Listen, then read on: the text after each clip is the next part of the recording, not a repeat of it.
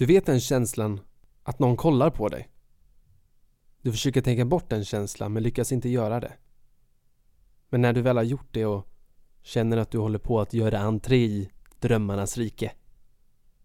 Men då hör du en monoton barnröst som säger Släpp in mig. Du vaknar med ett ryck och vågar inte göra något.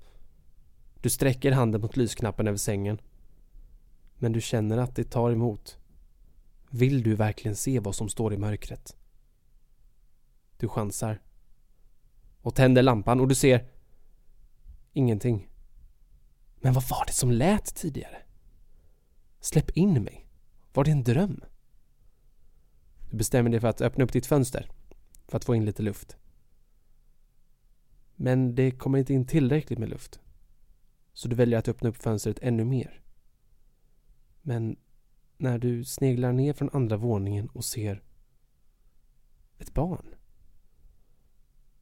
Barnet kollar upp mot dig. Och du får migrän. Och börjar blöda extrem näsblod.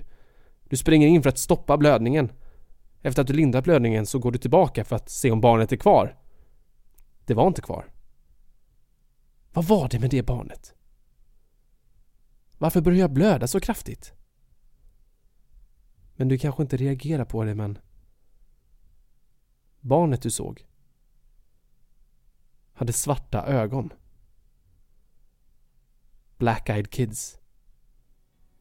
Svartögda barn.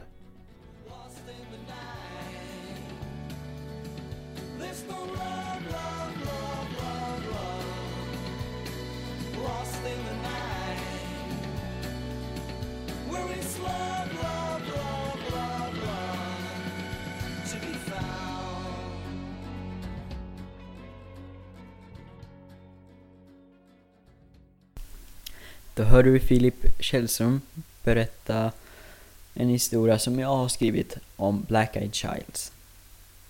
Och i det här första avsnittet så ska vi prata om Urban Legends. Och jag tänker vi ska berätta om Black Eyed Childs, Slenderman och Human Can Lick 2. Men vi börjar med, med Black Eyed Childs. Och här på tur så kommer Madeleine Laine läsa upp en historia. Här kommer den. Jag har aldrig publicerat något här. Dock är jag en frekvent läsare på detta forum. För att få ruset av andras erfarenheter. Nåja, det blir alltid en första gång. Och detta blir mitt första. Lite backstory om mig och min mamma. Både jag och hon tror starkt på det paranormala. Vi känner även till historier om just Black Eye Kids. Att de kan komma två och två och fråga saker. Så som att de kan få låna en telefon, få något att äta eller få komma in.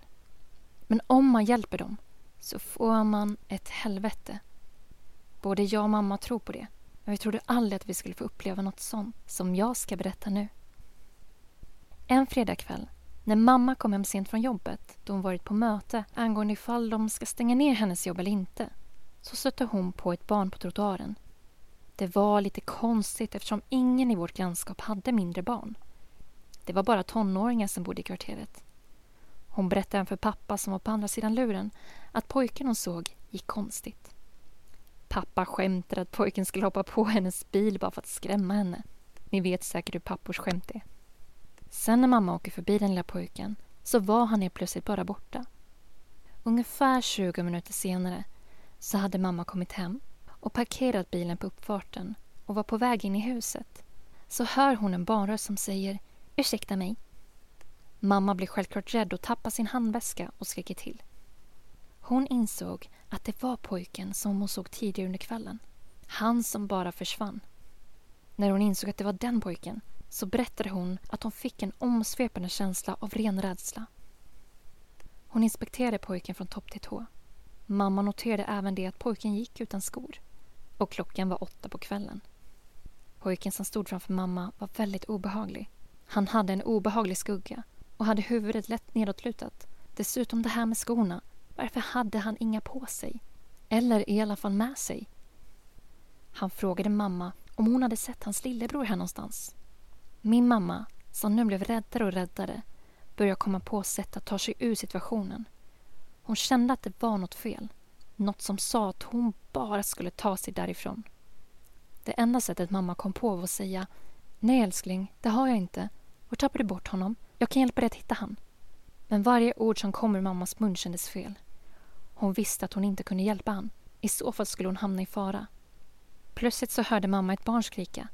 Och det var inte barnet som stod framför henne. Så vem var det? Barnet som stod framför henne sa Åh, där är han! Efter att han sa det så tog han sats och sprang upp mot där mamma hört skriket. Dock så sprang han vänster, men hon hörde det åt höger. Nästa del av podden är om Slenderman. Slenderman är en lång, mansliknande varelse vars armar och ben är ovanligt långa. Plus att han är kritvit och inte har något ansikte. Det enda som liknar ett ansikte är vissa konturer såsom ögon, näsa, mun.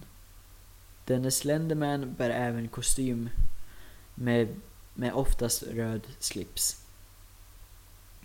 I vissa versioner så har han även tentakler på ryggen. Slenderman är skapad av den amerikanske mannen Eric Knudsen.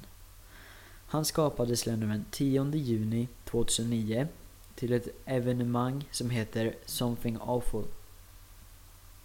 Under de senaste 11 åren så har det minst hänt ett fall, vilket Amanda Dalin ska berätta mer om nu. Vi börjar där det slutade. Två tonåringar vid namn Anisha Weijer och Morgan Geiser har precis blivit gripna eftersom de misstänks för att ha anfallit deras bästa vän Peyton Leutner, som även kallas Bella, vilket jag kommer att kalla henne från och med nu. Bella har lyckats rädda sig själv genom att krypa upp på en cykelväg där en cyklist sedan har hittat henne och tillkallade ambulans. När polis och ambulans kommer till platsen så berättar Bella att det är Morgan som knivhögg henne. Morgan och Anisha blir gripna en stund senare och blir förhörda. Anisha är den som berättar mest om deras plan. Vi går djupare in på den sen. Tanken var att Morgan och Anisha skulle ha mördat Bella redan 30 maj.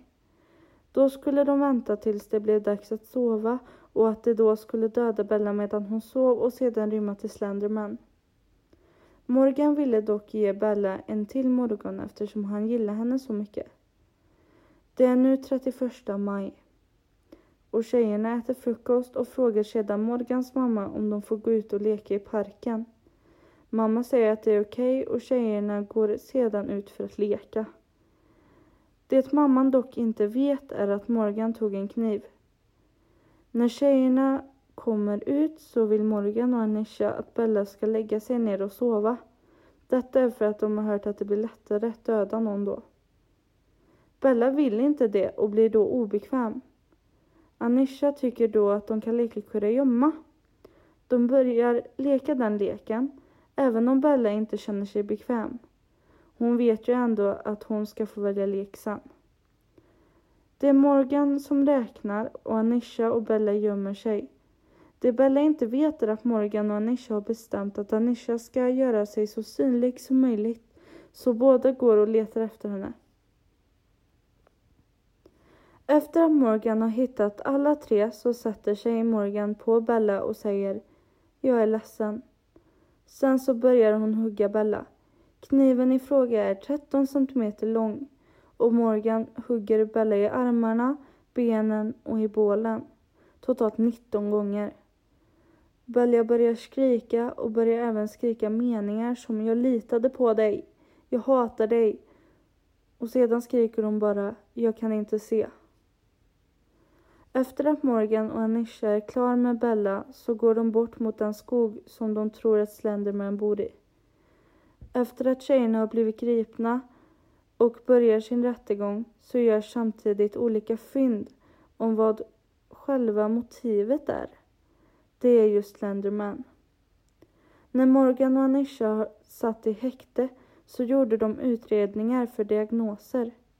Det man kom fram till var att Anisha har en schizotyp Detta gör endast att hon har svårt att skilja på verklighet och fantasi.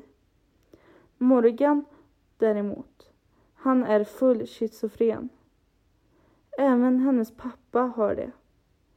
Den 2 februari 2018 så kunde Aftonbladet komma ut med att Morgan Geiser, 16 år, blir dömd till 40 år på mentalsjukhus. Även Anisha blir dömd till mentalsjukhus, dock bara till 25 år. Detta gör att Morgan är 56 år respektive Anisha som släpps när hon är 41 år. Det vi även vet är att Bella mår bra idag. Nu går vi in i sista delen och då ska vi prata om vandringssägnen Human can lick too.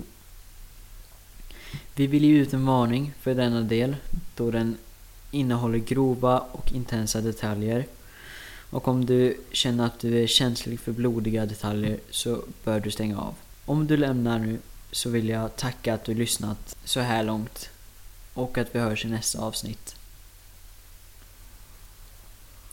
Denna historias ursprung är från februari 1982, någonstans i USA.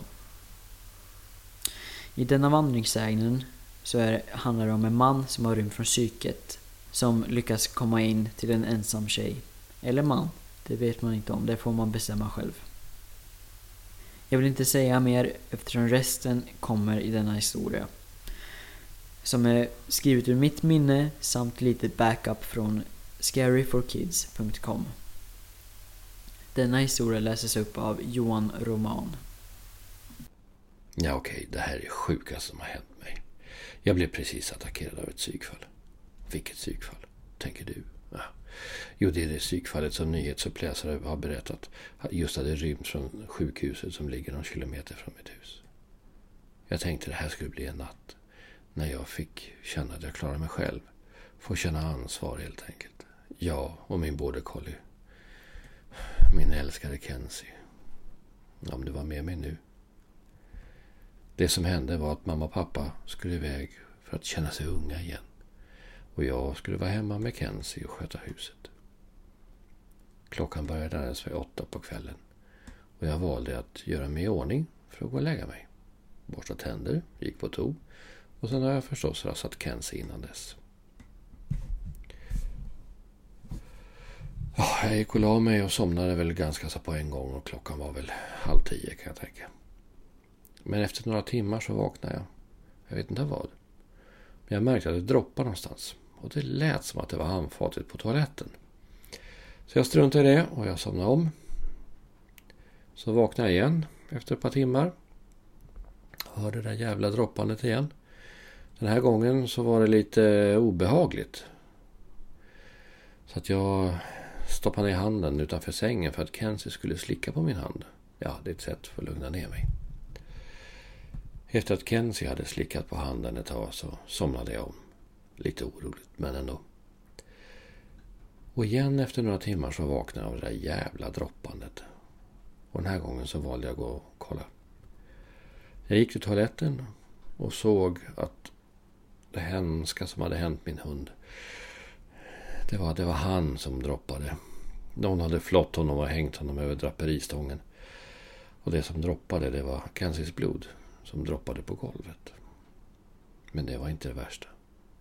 Det värsta var att någon hade skrivit Mackenzies blod. Människor kan också slicka. Och det var nog psykfallet. I denna historien så är det inget klart slut utan ett öppet. Detta gör att historien kan sluta på olika sätt. Några exempel kan vara att psykfallet dödade skribenten, eller att skribenten blir skadad, eller att psykfallet hunnit försvinna innan skribenten hittat hunden. Det finns även liknande historier som det i kommentarsfältet på scaryforkids.com sida om Humans can leak to har läst. Om ni är intresserade av att hitta andra historier som liknar denna så finns det där. Nu har vi kommit till slutet av första avsnittet. Och det jag vill är att ni följer poddens Instagram som heter lagerelden understreck podcast. Den även kan göra att gå med i Facebookgruppen Lägerelden Eftersnack. Om man vill sponsra podden så får man enklast kontakt med mig genom antingen Instagram, Facebook eller mail. Allting står i beskrivningen. Jag söker även skribenter samt uppläsare. Så om du är intresserad av att göra något för podden så kontakta mig på de olika sätten jag berättar om. Tack till Eeps Trailer Park för låten Lost in the Night. Tack för att ni har lyssnat.